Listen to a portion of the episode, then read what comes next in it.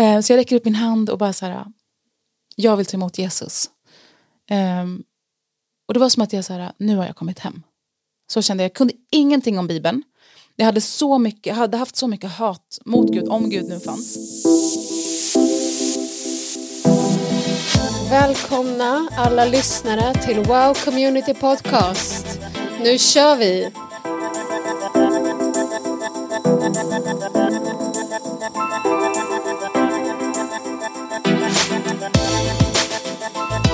Härligt! Det är fredag yes. och jag är så glad den här dagen. För idag så ska jag få ha ett samtal med ingen mindre än Stephanie Del Pilar som mm. ska dela sin life story med oss. Välkommen! Tack så mycket! Till vår lilla studio här. Ja. känns det bra? Det känns jättebra. Det känns jättehärligt att ha med dig med här. Ja. Um, och um, vi känner ju varandra. Mm. Du är min vän ja. och uh, vi går i samma kyrka. Mm. Uh, jag tänkte på det här innan att vi har jobbat tillsammans. Just det. På samma jobb. Just det. Och uh, ett litet roligt minne jag har med dig är ju också att vi faktiskt suttit på BB tillsammans. Det gjorde på förlossnings förlossningsväntrummet. Världens märkligaste ja. minne. Det var snökaos. Det var snökaos. Jag har några bilder, vi sitter där jättetjocka. Ja. Eh, jag skulle på ultraljud och mm. du skulle föda. jag skulle föda den dagen. Och din man kom inte fram för Nej. det var snökaos. Mm. Och min man var i Indien. Ja. Och vi var fast där tillsammans på BB. I stora tjocka jackor.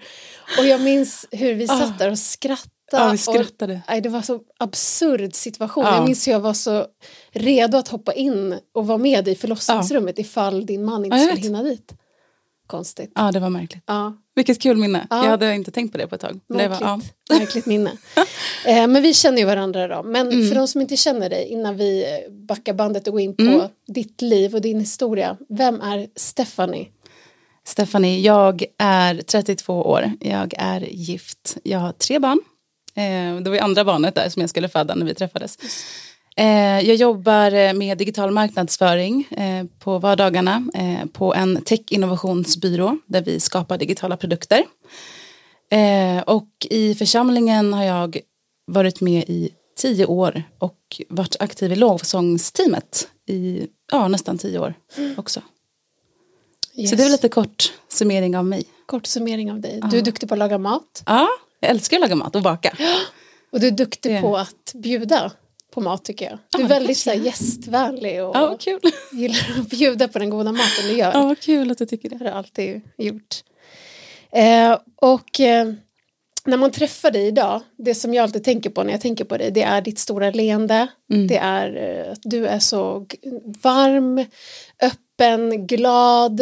Eh, ja, men du sprider verkligen glädje runt omkring dig. Jag tror alla skulle hålla med om det faktiskt. Mm, eh, men jag vet också att du verkligen haft en resa i ditt liv. Mm, att det leendet, det leendet vi ser idag, inte bara utanpå utan också glädjen mm. inuti dig, eh, har inte alltid varit där utan du har verkligen gjort en resa.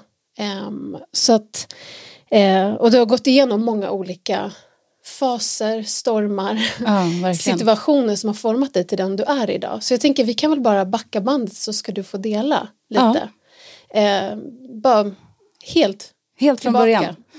Ja, men jag, är, är, jag är född i Örebro från början um, och um, flyttade till Stockholm när jag var runt 12-13 år. Uh, min första tid i Örebro uh, så separerades mina föräldrar när jag var ett.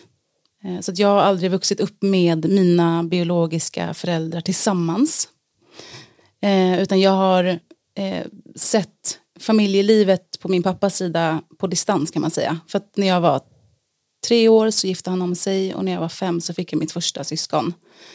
Så ehm, det har väl varit ehm, det har väl varit en del av mitt liv som har format mig, att känt den här, det här utanförskapet faktiskt. Men där hade jag en fantastisk mormor. Min, jag skulle inte vilja säga adoptivmormor men min, min mamma är adopterad. Eh, men jag ser det verkligen som min mormor. Eh, helt fantastisk människa. Hon stöttade jättemycket när jag växte upp. Mamma var väldigt ung när hon fick mig och eh, då hoppade mormor in ofta och, och tog mig till min tvärflöjtslektion och till simning och allt sånt där. Eh, det gjorde såklart min mamma och pappa också men hon var verkligen en extra person som var en trygg punkt för mig. Um, och um, när jag um, blev tio år så uh, gick hon bort väldigt plötsligt i cancer.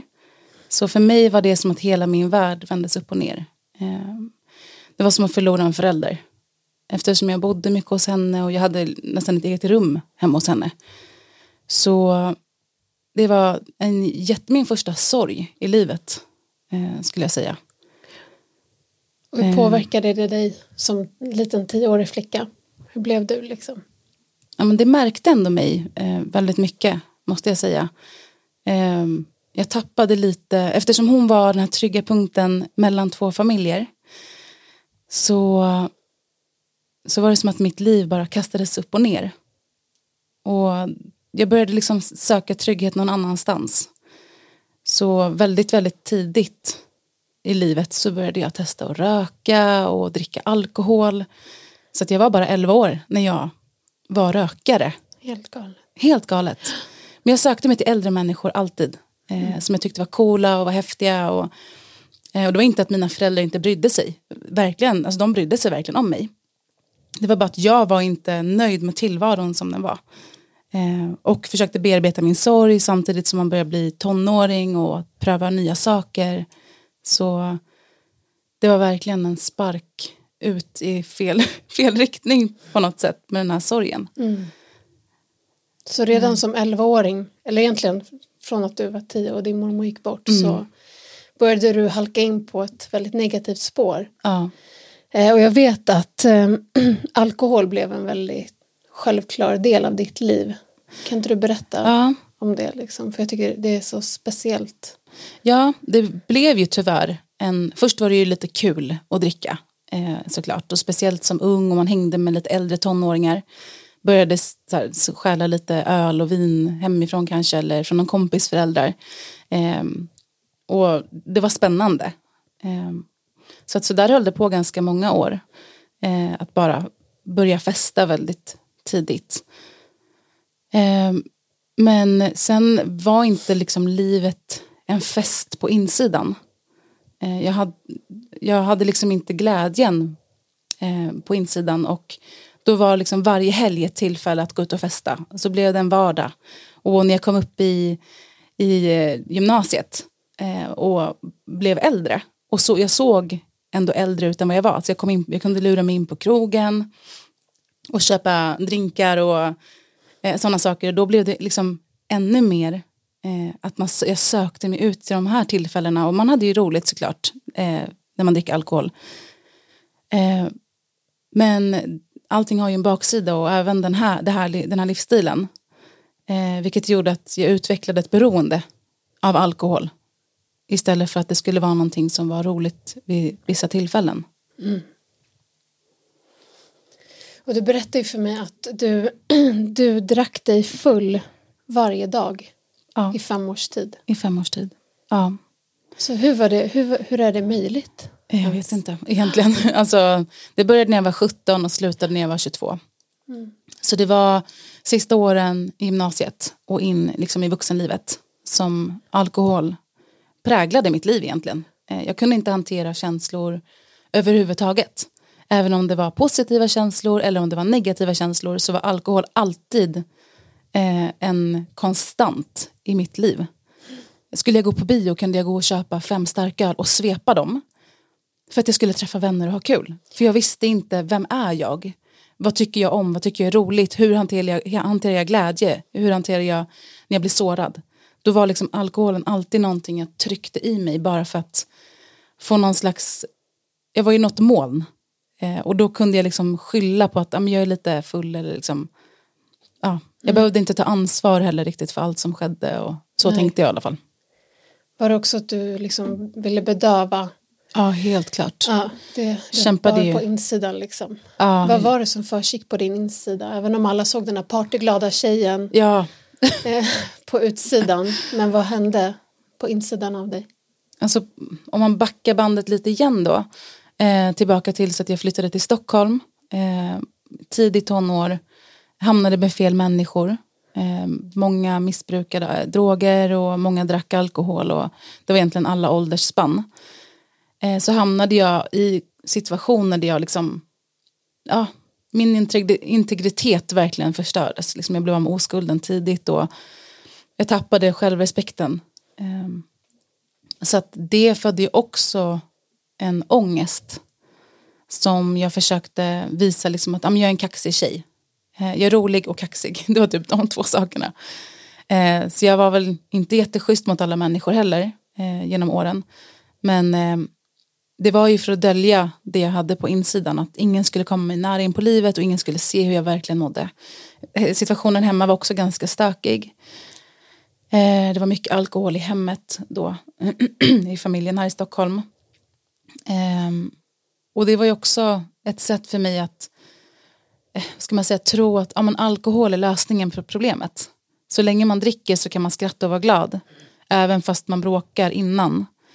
Så att på något sätt så blev det en vana för mig att se det här. Eh, och då bytte jag också, då, liksom, då försökte jag byta ut mina jobbiga känslor mot att då dricka och eh, dölja, dö, döva och dölja ångesten.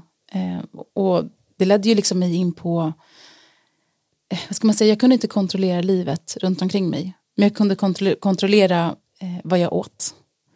Så jag utvecklade en ätstörning som jag hade under många, många år. En jätteosund eh, ätstörning. Och det var ju också utifrån ångest och depression. Eh, och det blev absolut inte bättre av att jag började kontrollera vad jag åt och då egentligen inte äta någonting. Eh, utan så fort jag hade ätit lite grann då liksom var det ut och träna eller så kräktes jag upp maten med en gång. Och människor runt omkring mig började ana någonting. Men jag skyllde på att jag hade börjat träna och liksom, ja, de här bara ursäkter som försökte, som det var egentligen lögner. Mm. För att ingen skulle, ingen skulle säga till mig vad jag skulle göra eller hur jag skulle må eller att jag behövde förändra mitt liv på något sätt. Mm. Så jag, ja, när jag hade, egentligen när jag var runt 17 där, Eh, när alkoholen verkligen blev, jag blev full varje dag. Eh, det var ju under tiden av ätstörning och jag kände jag orkar inte, jag, jag blev väldigt trött och liksom, den här ångesten tar över. Så då, eh, då drack jag innan jag gick till skolan. Och det var någon gång fick jag med mig någon kompis, vi bara vi går fulla till skolan, typ. det är jätteroligt. Men för mig var det liksom inte en engångsföreteelse utan det var varje dag. Till och med när kompisar sov över hemma hos mig. Så bara, nej jag glömde en sak, sprang hem, eh, tog ett glas ren sprit och bara hällde i mig. Bara så jag hittade min penna eller vad jag nu hittade på att jag hade glömt. Mm. För att jag kunde inte dricka framför folk. Jag förstod ju att det var en konstig, mm. ett konstigt sätt att leva. Men jag hade liksom ingen annan, ingen annan förklaring. Nej. Att, eller jag visste inte en annan lösning då. Och du lyckades hålla allt det hemligt? Så ja, ingen alltså, som märkte eller? Folk började väl misstänka. Ja. Eh, ja, började misstänka. Men det var ju också så här, den här tiden. Många vänner tar studenten, det är mycket fester, det är mycket. Jag höll i mm. flera sådana studentskivor också. Så att jag var ju den här partybruden liksom. Folk tänkte att jag, hon tycker om att festa och ha kul. Eh, för det var det jag förmedlade till andra. Medan på insidan och det som ingen såg, knappt min bästa vän under gymnasiet, var att jag mådde så fruktansvärt dåligt att jag ville ta mitt liv. Och det var ju alltså under ett och ett halvt års tid, mitt i det här då, eh, ätstörningsperioden, skulle fylla, eller jag fyllde 18, eh, livet ska vara jättekul och man kan ta körkort och allt möjligt men jag var bara i det här mörka hålet och jag visste inte hur jag skulle ta mig ur. Jag låg med ångestattacker och depressions, eh, flera timmar i depression och jag sa, nu, idag gör jag det. Idag tömmer jag medicinskåpet. Idag gör jag det här. Eller dricker ihjäl mig, vad som helst. Bara mitt liv avslutar, avslutas.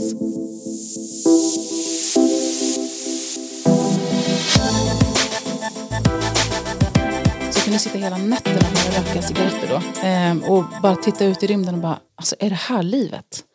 Då vill inte jag leva. Ehm, så det var en väldigt, väldigt mörk period. Jag minns inte så mycket mer förutom jag, jag kan liksom minnas sekvenser av ångestattacker. Jag ligger liksom flera timmar bara i duschen i fosterställning och gråter. Um, sen av någon anledning tar jag mig upp och liksom klär på mig kläderna. Men jag, sen, alltså knappt, jag, jag minns knappt människorna jag pluggade med. För att det var sånt mörker. Mm. Och då alkoholen som påverkade mig samtidigt. Du var en djup, djup dal av mörker kan man Ja, säga, av hopplöshet. Otrolig hopplöshet.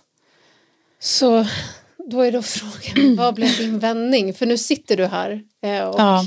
jag ser allt annat än mörker i dina ögon. Eh, vad blev din vändning och vad blev din ljuspunkt liksom? Vad var det som hände? Alltså min vändning med... Eh, ja, jag, när jag tog studenten, då släppte ändå den här pressen. För det var ändå också allt plugg i skolan och alla C-uppsatser som skulle in och man ville ha bra betyg för att kunna plugga vidare någon gång i livet och allt sånt där. Så att när jag tog studenten då var det som att någonting släppte ändå. Eh, det blev ju inte bra, men den här eh, tunga bördan av att prestera hela tiden släppte. Jag kunde gå till ett jobb som jag ändå tyckte var kul. Jag började jobba i butik och, eh, och lite sådana saker. Ehm, men jag, hade fort, jag kämpade fortfarande jättemycket Eh, med den här ångesten. Eh, började jobba inom restaurangbranschen. Då var det mer liksom legit att dricka. Ehm, och man, man hade den eh, livsstilen. Men då i det här så hade min mamma börjat gå i kyrkan. Eh, och hon började liksom hon började tala om Gud med mig och jag vart jättearg. Alltså, hur kan du säga att Gud finns? Om jag känner alla de här sakerna eh, och allt det här jag har gått igenom, hur kan Gud finnas då? Så jag var ju, alltså jag var så arg på henne. Och vi hade inte en speciellt bra relation då heller. Så att, att hon började komma med något så här fint budskap till mig var ju bara, jag ville bara slå till henne. Det var ju så det kändes. Eh, men det väckte ändå, någonstans så var det som att allt hon sa bara träffade rakt in i min situation och i mitt hjärta. Så att det var ju taggarna utåt mot henne, men någonstans så föddes en längtan efter en förändring på riktigt. Så jag ringde henne en dag på väg till jobbet och sa det, nu är jag på väg ner i ett så här djupt mörker igen. Jag känner att jag håller på att slitas ner. Och då fixade hon så att jag fick träffa en kvinna i kyrkan. Eh, och prata med henne. Och det första jag sa när jag träffade henne var så här, vi kan prata om allt förutom Gud, jag kommer inte sluta dricka alkohol. alltså, helt som ett litet barn egentligen. Ja. Men hon hade sånt tålamod med mig. Ehm, och hon, hon egentligen började med så här, kan jag få berätta om mitt eget liv? Och berättade om sin, sitt, sitt liv och liksom sin livshistoria eh, och hur Jesus grep in. Och så frågade hon alltid om hon fick be för mig. Jag sa, ja, ja, om du mår bra av det, så be för mig, tänkte jag. Så hon började be för mig. Men under den här perioden så började jag se eh, livet annorlunda. Det var som att mina ögon öppnades för den andliga verkligheten. Som jag inte hade sett. Så att platser jag hade varit, jag hade varit på och hängt mycket på. Där kunde jag se tavlor som var så här sjuka. Alltså de beskrev, det var upp som helvetet uppmålat. Jag hade aldrig sett det. Men då började mina ögon öppnas och jag började se. Eh, sen var det en avgörande händelse för mig eh, med en vän. Som, eh, ja men vi hängde jättemycket och vi festade alltihop, vi jobbade ihop och allting. Eh, en natt så satt vi och pratade bara, vanligt. Vi hade inte varit ute eller något sånt. Vi satt och drack lite vin och bara pratade om livet och båda var ganska så här, låga i livet. Um, och jag hade varit på, med mamma på en gudstjänst eh, neråt i landet och fått en upplevelse. Och då, eh, det var en andlig upplevelse, liksom. jag såg en syn. Och så ville jag ändå dela det här med min vän. Jag sa det, jag tror ändå liksom att Gud finns för att det här och det här hände. Och hennes ögon bara, hon har så blåa jättefina ögon, bara blir helt svarta. Eh, pupillerna, det var som att pupillerna bara svällde upp. Hon bara slet tag i min hand och bara prata om något annat, bara skriker. Och både, jag, alltså jag var helt skakig och ljusen började fladdra och det var liksom en så här, alltså det var sjukt. Eh, jag var inte beredd på det. Och jag bara berättade liksom att men jag kanske tror att Gud finns. För att jag hade börjat få en tro på Gud. Eh, som egentligen har funnits där från barndomen någonstans. Men ändå. Um, och jag sa, eh, vi var på landet eh, med din pappa typ och började hitta på någonting att prata om. Eh, och jag tänkte så här, var det bara jag som upplevde det här? Eh, men hon var jätterädd på kvällen och bara, du måste ligga bredvid och sova bredvid mig och liksom var helt... Och för, på, på något sätt var det för mig så här, oj det var en ögonöppnare. Att okay, det finns en, verk, en andlig verklighet. Ehm, och morgonen efter så, så påpekar hon det här, hon bara, vad sjukt det var i natt liksom. Det var typ som en exorcism. Och jag var så här, oj då var det inte bara jag. Utan hon minns hela situationen. Ehm, Det var som en krock. Det var som en Mörker ljus. total Mm. krock, alltså en riktig så här, frontalkrock. Ehm, och bara några veckor efter så ska jag byta jobb, börja jobba dagtid istället för nattid. Och jag har en sån vändningshelg, jag ska gå upp sex på morgonen bara för att ställa in kroppen, typ att jag ska börja jobba tidigt. Och den söndagen då, så lägligt, så kommer han bara, men följ med till kyrkan. jag skulle ändå vara vaken och jag vill inte somna. Eh, så jag bara, ah, okej jag följer med. Eh, det var lite kamp faktiskt innan. Eh, för jag sa nej men jag vill inte och ja, jag hade förutfattade meningar om kyrkan och så här. Hon bara, men följ med och se vad du säger nej till. Och då visste hon också om hela den här händelsen för jag hade berättat det för henne. Ehm, så jag kommer dit till kyrkan, jag ser kvinnan jag har träffat eh, och pratat med under ett halvår ungefär. Så hon vinkar fram mig, bara kom och sitt med mig. Eh, så jag går dit, sätter mig med henne och den predikan, eh, det var som att bara jag satt där. Ehm, och det var en predikan om, eh, om Hagar i Bibeln. Ehm, ni får läsa i Mosebok om den som inte vet. Men det är en ängel som möter henne för att hon har rymt. Och när ängeln frågar henne liksom, varifrån kommer du och var är du på väg? Och det, de orden fastnade i mig. Varifrån kommer jag? Alltså, vad är det för liv jag lever nu? Vill jag leva det här livet? Och var är jag på väg? Jag har inget, jag har ingen, inget mål med mitt liv överhuvudtaget. Ehm, jag minns inte så mycket mer av den predikan ut- förutom typ den frågeställningen. Eh, och att eh, pastorn bjuder in till att ta emot Jesus. Och jag kände så här, det här är precis det jag har längtat efter. Alltså jag kände mig hemma. Så jag räcker upp min hand och alla var helt chockade som kände mig, som var i den här gudstjänsten. De tänkte det här kommer aldrig hända.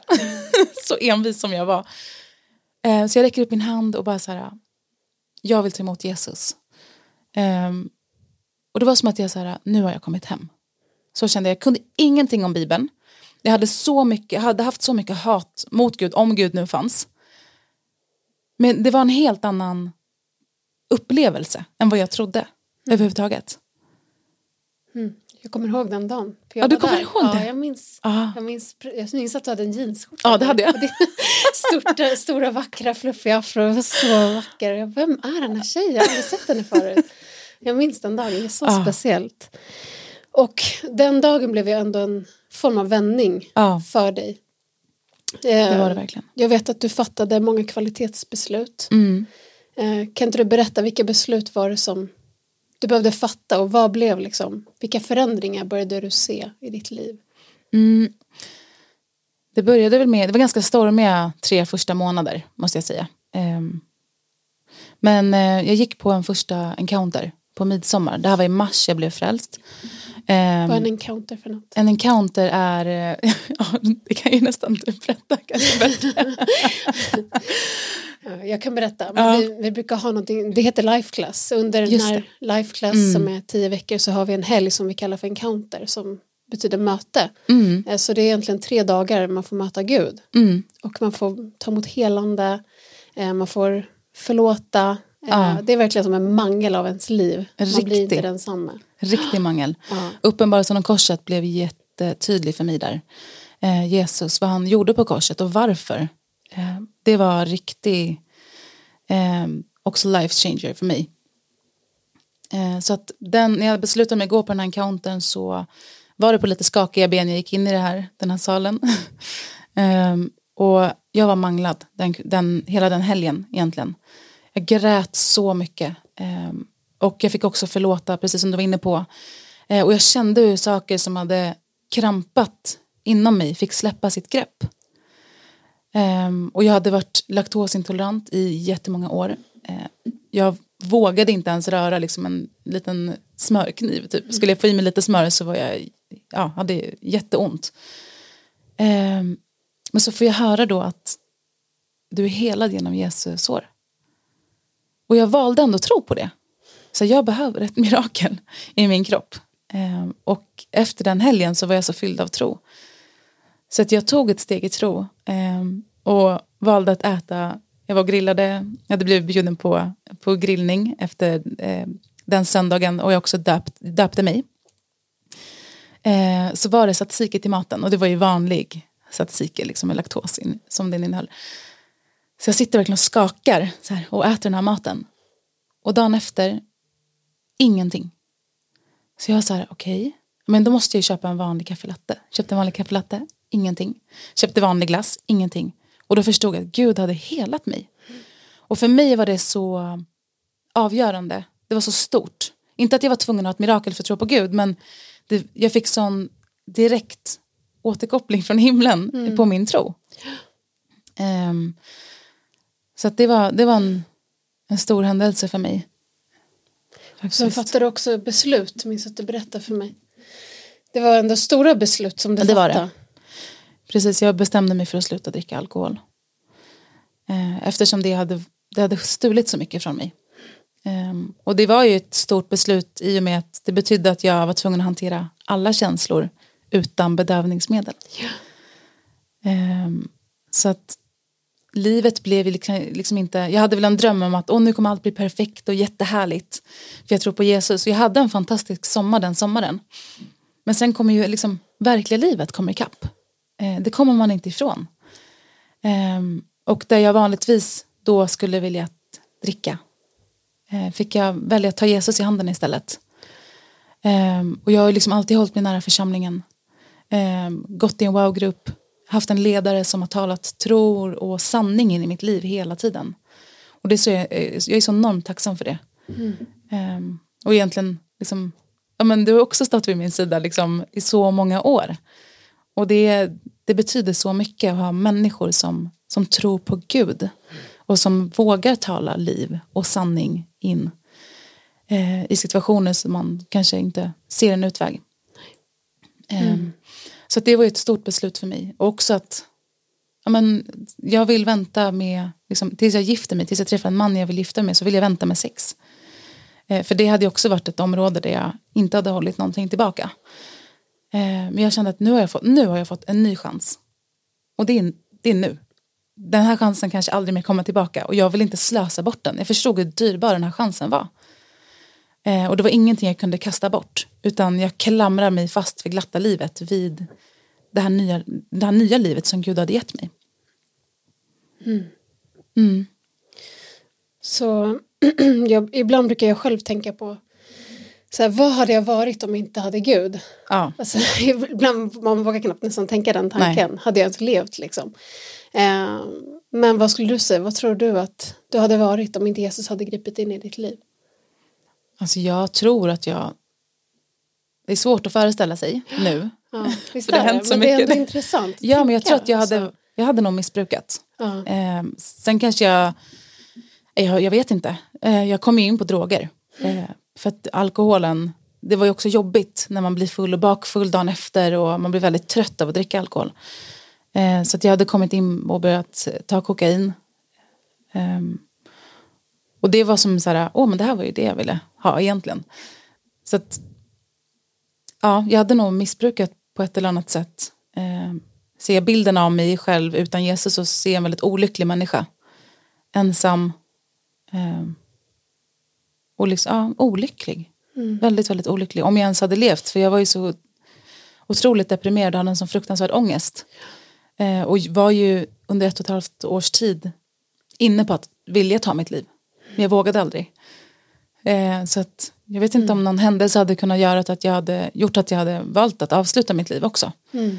Eh, det, hade, det, hade, inte varit omöjligt. Om man säger så, med handen på hjärtat. Mm. så att jag är otroligt mm. tacksam till Gud att jag, mm. att jag lever idag. Eh, och har kunnat bli fri från allt det här som höll mig tillbaka och höll mig så bunden. Mm. Ja, jag, jag blir tacksam också när, när jag hör allt, verkligen. Det är helt fantastiskt. Eh, men jag vet också att du fick ju den här stora vändningen i ditt liv. Mm. Du gick verkligen från mörker till ljus. Eh, men sen är det ju också så att livet är livet. Mm. Och som du var inne på, att livet är inte perfekt. Eh, och många gånger så tror jag att vi, vi går förbi varandra och vi, vi kan se varandras leenden, vi kan se liksom, om vi ser varandra och många gånger kanske man tar för givet att någon mår bra men vi ser inte alla fighter och kamper en människa går igenom på insidan eller hemma. Eh, och jag vet för dig så eh, blev inte allt perfekt utan du har ju verkligen varit i en resa eh, och en resa som, behövde, som du behövde gå igenom. Eh, kan inte du berätta lite vad som hände efter, efter några år? Mm. Du hade tagit emot Jesus men sen så blev det en tid av öken kan man säga. Det var riktig öken som kom. Ja. Det var liksom som en romantisk första tid när allt var jättehärligt. Men den här öknen så kom ensamhet ikapp. Jag kan ändå identifiera den med att jag kände mig ändå så Även fast jag var frälst, jag visste att jag var förlåten så var det som att mitt gamla liv bara knackade på och ville göra sig påmint. Och jag kände mig så smutsig och liksom, men jag har gjort alla de här sakerna. Liksom, folk kommer inte vilja vara vän med mig. Jag vet att Jesus älskar mig men jag kan inte, liksom, människor är så fina och så oförstörda. Jag hade också en felaktig bild måste jag ju tillägga. Mm. Eh, så att jag tänkte att människor var så perfekta. Och skulle de bara skrapa lite på ytan och höra om vad jag har varit med om då kommer de fly för livet. Um, så att jag började liksom se min omgivning på fel sätt. Eh, vilket gjorde att jag blev väldigt ensam. Jag liksom var i en själslig öken. Eh, där jag mådde dåligt igen. Eh, kände mig exkluderad från vänner och allt sånt. Men jag tror också att jag drog mig tillbaka själv. Det är en sån lärdom jag tagit i efterhand. Att det var, jag kan inte bara skylla på andra människor utan jag hade också beteenden som orsakade de situationer som blev. Eh, men ja, det var ju liksom i ökenperioderna som, som jag, Eh, ska man säga, jag, jag har fått lära känna Gud i de här perioderna. Eh, när jag har varit ensam, när det var torrt, det har varit jobbigt, det har varit utmanande. Eh, och min ledare sa liksom att jag hade hört så många undervisningar om att vi måste kasta oss på Gud. Eh, och jag hörde ofta av mig till henne men jag kände så här, jag kan inte ringa igen. jag måste kasta mig på Gud. Ehm, och det var, det var just i den här tiden av öken som jag fick lära känna Gud på nytt. Eh, mer än vad jag hade gjort från början. Eh, så att den ena öknen avlöste tyvärr den andra. Eh, varför vet jag inte. Eh, men blickar jag tillbaka så är jag väldigt tacksam för det. För det har slipat bort attityder, dåliga attityder i mitt liv. Det har gjort mig ödmjuk. Ehm, jag vet att en person en gång sa liksom att men du är van att vara centrum av, av alla tillställningar och allting. I mitt gamla liv. Eh, jag var ju ganska vild och galen och liksom hade ju väldigt kul så. Eh, men eh, nu var det inte längre jag som var i centrum utan det var Jesus. Eh, och det skar mig så mycket i hjärtat men det var också en, en viktig insikt. Att mm. förstå att det handlar inte om mig. Utan jag behöver släppa allt det här egoistiska fokuset. Eh, och och liksom se andra människor. Eh, låta Gud sitta på tronen i mitt liv. Eh, och jag hade inte liksom vetat hur man är en bra vän. Så att jag började liksom, okej okay, men hur, hur gör jag nu då liksom för att ha vänner? Eh, och vara en bra vän själv som inte bara fokuserar på mig själv. Eh, så jag köpte böcker om vänskap och liksom började läsa, så här, okay, hur, ska man, eh, hur ska jag kunna se andra och sträcka mig ut till andra och Eh, för att vara den här vännen som någon vill umgås med. Eh, men samtidigt så fick jag förstå liksom att det handlar inte bara om människor heller. Utan det handlar om att det är Gud som har kallat mig. Det är han som har sett mig, det är han som har skapat mig, det är han som har en plan med mitt liv. Mm. Um, så att den uppenbarelsen har jag också fått i min ökenperiod. Eller mina ökenperioder, mm. måste jag nog säga. Mm. Um, det finns ett bibelord som säger liksom att förbannad är den som på, sätter sin förtröstan på kött, till kött. Mm. Och alltså till människor. Eh, och jag kunde verkligen se det när jag, när jag var så beroende av människor och be, människors bekräftelse och att de skulle säga att de tyckte om mig och allt det här. Eh, då mådde jag nästan bara ännu sämre. För att människor kan inte leva upp till det och speciellt inte outtalade önskningar. Nej. Heller. Utan det var bara någonting som låg inom mig och puttrade och som aldrig blev besvarat tyckte jag då. Um, och då kunde jag bara se liksom att jag kom bara längre ut i den här öknen.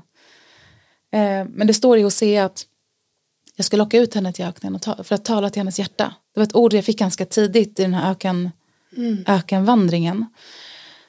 Um, och jag förstod att Gud vill lära mig någonting i det här. Han vill, han vill göra någonting vackert av den här perioden också. När jag mm. får vara lite ensam.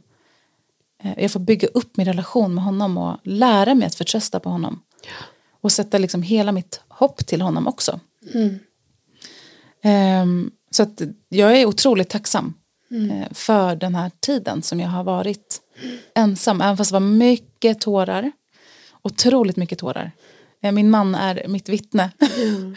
Eh, och så många gånger han har bett för mig att jag, liksom, att jag ska få vänner som vill stå vid min sida. Och, för jag bara grät och hulkade och grät. Och, mm. eh, grät hela vägen till kyrkan, på med smilet, in i kyrkan. Eh, och sen släppte garden när jag åkte hem igen och grät. Eh, varför jag höll upp en fasad i kyrkan vet jag faktiskt inte. Jag tror att jag var en väldigt glad person när jag blev frälst. Och jag tänkte att oj nu måste jag upprätthålla den här äh, glada. Mm. Eh, för annars kanske jag måste berätta för någon jag mår på riktigt och då blir det jättejobbigt. Så jag tänkte mm. det är lika bra att le eh, så hanterar jag de andra känslorna sen. Mm. Eh, så det var otroligt mycket tårar mm. under den här perioden också. Mm. Det är ändå intressant för jag tror många gånger så är det inte alltid så som det ser ut. Nej. Som sagt, man kan se människor, man kan se det där leendet men sen så kan det vara stora fighter som den personen går igenom. Ja. Men precis som du är inne på så tror jag också att ibland låter Gud oss gå igenom sådana perioder för att mm. dels att han vill forma oss, precis som du säger, slipa bort saker som ja. inte är bra, men också för att vi får lära känna nya sidor av honom. Exakt. Det är först när vi är sjuka som vi verkligen kanske får lära känna Gud som vår läkare. När vi har ekonomiska svårigheter kan vi lära känna honom som vår försörjare. När vi känner oss ensamma som vår pappa och vår bästa vän. Ja. Så att jag, jag ser verkligen det här guldet i dig idag och mm. det som har kommit utifrån det här jobbiga. Det har ja. liksom pressats, det har pressats. i mangel. Eh, men idag så ser jag någonting vackert verkligen. Mm. Eh, och det är det jag också tycker är så fantastiskt med dig. Eh, och eh, du nämnde för mig att det här året är tio år med Jesus för dig. Ja, det är tio år med Jesus. Det är tio år sedan du tog emot Jesus. Eh, och när du ser ditt liv idag, eh, nu har vi, bara, vi har inte kunnat prata om allt, men vad, vad är du tacksam för när du ser ditt liv idag? Jag är så tacksam för att, eh, att Gud alltid stått vid min sida. Jag, aldrig, jag, kan, jag kan inte säga att jag någonsin har upplevt att Gud har övergett mig. Oavsett hur omöjlig situationen kan ha sett ut. Eh, utan han har alltid varit där, alltid i rätt tid. Och har jag fått vänta på ett mirakel, ett bönesvar, så har jag alltid fått ord. Alltid har fått ord som förbereder mig för den tiden som ligger framför. Så att jag kan hålla ut och bli påmind hela tiden om att okej, okay, det är på väg igenom. Jag kommer att ta mig igenom. För Guds ord säger det här. Så det är också ett aktivt val jag har gjort att tro på vad Guds ord säger. Mm. Att inte bara låta det passera utan att faktiskt hålla fast vid de här löftena. Ja. Eh, så det, jag är så otroligt tacksam att Gud verkligen förser med det man behöver, eller det jag har behövt. Eh, även fast jag ibland har undrat, liksom, Gud var är du? Mm. Så har jag ändå sett hans hand. Mm. Och du är gift idag. Du har tre idag. fantastiska mm. barn. Gud har gjort så mycket i ditt liv. Ja. Idag så blir den, det som var din smärta idag din lovsång till Gud. Absolut. Idag så står du och proklamerar genom sång vad Gud betyder för dig. Mm. Och du är också en ledare för andra tjejer idag. Ja. Som du får vägleda och betjäna. Så det är fantastiskt. Gud, tänk att Gud kan göra det här. Att han kan vända det som är ugly ja. och mörkt och hopplöst i våra liv. Ja. Det kan vändas till hopp. Inte bara för oss själva utan också för andra människor. Exakt. Och det är bara Gud som kan göra sådana mirakler verkligen. Ja, det är, jag har faktiskt ingenting att berömma mig av själv. Mm. Faktiskt. Ja. Så vad skulle du vilja säga avslutningsvis till de som kanske lyssnar som aldrig har mött Jesus som kanske till viss del lever det här livet som du mm. levde i mörker och hopplöshet men också de personer som kanske går igenom hopplösa situationer eller har fighter på insidan kanske som andra inte ens ser mm. Eh, just nu. Vad skulle du vilja säga till dem? Våga tro på Gud. Våga pröva Jesus. Ja. För att han, det finns så mycket löften för varje situation man går igenom. Eh, och de är där. Men det är upp till oss att ta dem. Eh, så att våga sätta din förtröstan på ordet, vad, vad, Guds ord säger. Och hålla fast vid det och börja tala ut det tills att du ser en förändring i ditt liv. Eh, för det, det är det som har förändrat mitt liv. Mm. Det finns hopp. Det finns hopp ja. i varje situation. Ja, det är aldrig hopplöst. Nej. Gud har en utväg. Tack så mycket att du har delat. Tack ditt för att jag fick och ditt dela. liv med oss. Helt fantastiskt. Tack så mycket för att jag blev inbjuden. Ja. Och tack att ni har lyssnat den här dagen. Om ni vill komma i kontakt med oss eller vill veta mer, eh, kanske vill veta mer om Jesus, om tro eh, eller vill börja en wow-grupp, besöka vår kyrka, så kontakta oss på sociala medier eller gå in på vår hemsida wowchurch.com eh, så vill vi jättegärna ha kontakt med dig också. Så tack att du har lyssnat så hörs vi nästa vecka. Ha en underbar helg!